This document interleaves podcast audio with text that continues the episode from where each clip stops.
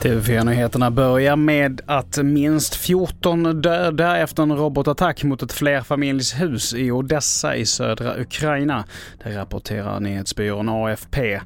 Attacken ska ha utförts av ryska flygplan över Svarta havet enligt den ukrainska militären.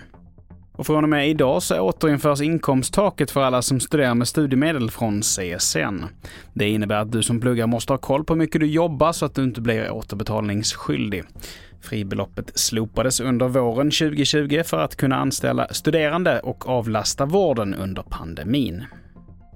Och till sist, Sveriges cykelorganisationer rasar nu efter att det inte har blivit några förbättringar gällande regler och säkerhet. Bland annat hade man hoppats på en öppning i lagstiftningen så att cyklister skulle kunna cykla mot enkelriktat.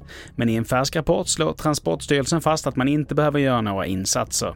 Och det här förslaget som vi fick i uppgift att titta på det möjliggör bland annat att eh, cyklister kan komma i direkt kollisionskurs med annan trafik och det är någonting som vi ser som ganska allvarligt och inte alls förespråkar. Och i inslaget här hörde du Kristoffer Elo, utredare på Transportstyrelsen. Fler nyheter hittar du på tv4.se. Jag heter Mattias Nordgren.